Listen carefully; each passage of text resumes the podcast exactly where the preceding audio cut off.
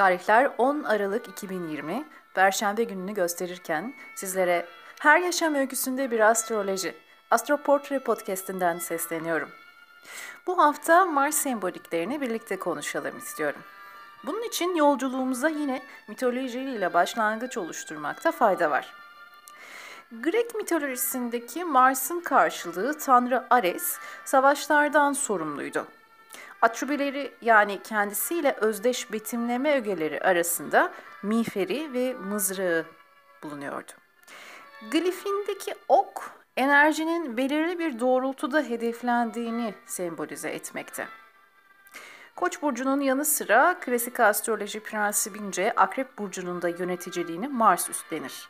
O halde Mars'ın astrolojik fonksiyonlarını anlamada Koç ve Akrep temaları bize rehberlik edebilir.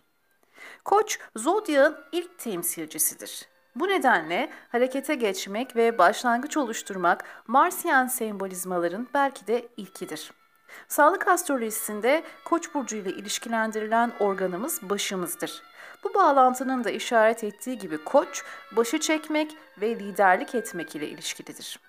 Dolayısıyla sürekli devinen bir hareket enerjisinden bahsedebilmemiz mümkündür. Bu da bağımsız şekilde deneyime, yeniliğe doğru açılan bir motivasyonu düşündürür. Koç burcunun da karşıtı olan terazi burcundan öğrenerek dengeleyebileceği diplomasi doğrultusunda oldukça dolaysız ve net bir yaklaşım olduğundan bahsedebiliriz. Koç burcunda adeta çocuksu bir özgüven görebiliriz. Aşırılıkla tezahür etmediği müddetçe bu özgüven Koç burcunun hazinesidir. Mars-Akrep ilişkisinde enerjinin yoğunlaştığını görürüz. Koç'taki Marsiyen gölge maymun iştahlılık iken Akrep'teki Marsiyen gölge bu anlamda takıntı halindeki tutkular olabilir. Mars-Koç ilişkisi somut düzeyde aksiyona yönelik iken Mars-Akrep ilişkisinde soyut düzeyde fethetmeye, dolayısıyla ruhsal güce, güce yönelik bir enerji görebilmemiz muhtemeldir. Her iki burcun da ortak kümesinde arzulama ve elde etme motivasyonu vardır.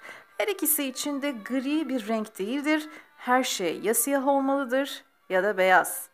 Natal yani doğum haritamızda Mars kendimizi doğrudan nasıl ortaya koyduğumuzu, neleri arzuladığımızı, hangi konu başlıklarında ve nasıl mücadele ettiğimizi, nasıl tepki gösterdiğimizi sembolize eder hangi burçta ve hangi evde yerleştiği, hangi açılar yani bağlantılar oluşturduğu değerlendirmenin içeriğini belirleyecektir.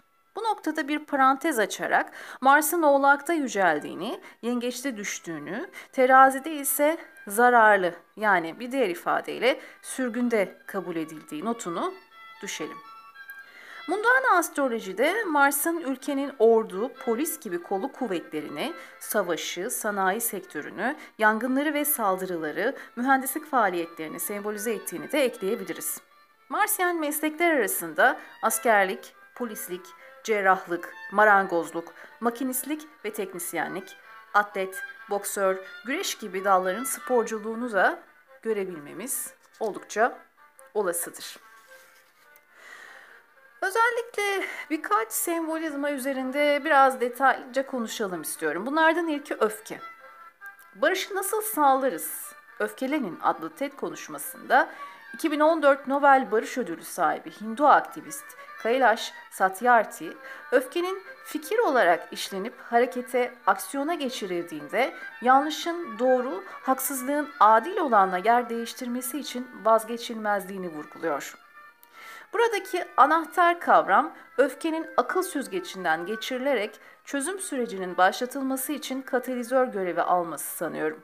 Bu samimi konuşmasını izledikten sonra pek tabii ki Satyarti'nin natal haritasındaki Mars yerleşimini merak ederek ulaştığımda Mars'ın güçlü bir konumda, kendi yöneticiliğinde, Akrep Burcu'nda ve Satürn ile kavuşumda olduğunu öğrendim. Mars akrepteyken öfkenin otokontrol mekanizması güçlüdür ki buradaki Satürn kavuşumunun da mevcut eğilimi optimum düzeye çektiğini düşünebiliriz. Nitekim Satürn-Mars kombinasyonunun doğru kullanımında öfkenin olgunlukla ve çok keskin bir gerçekçilikle ortaya çıkabilme eğilimi söz konusudur da diyebiliriz.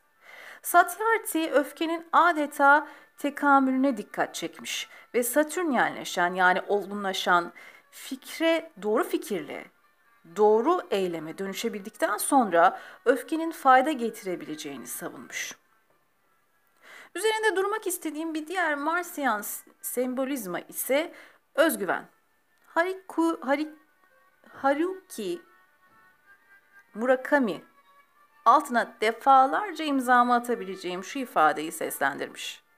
Sağlıklı bir özgüven ile sağlıksız bir kibre ayıran duvar çok incedir. Bir diğer imza silsilesini de Zor Bir Ailede Büyümek kitabından Craig Buck cümlelerinin altına atabilirim. Şöyle yazmış bak. Çocuğun öz değer duygusunun gelişebilmesi için ihtiyaç ve duygularının anne baba tarafından fark edilmesi, gerçek kılınması gereklidir.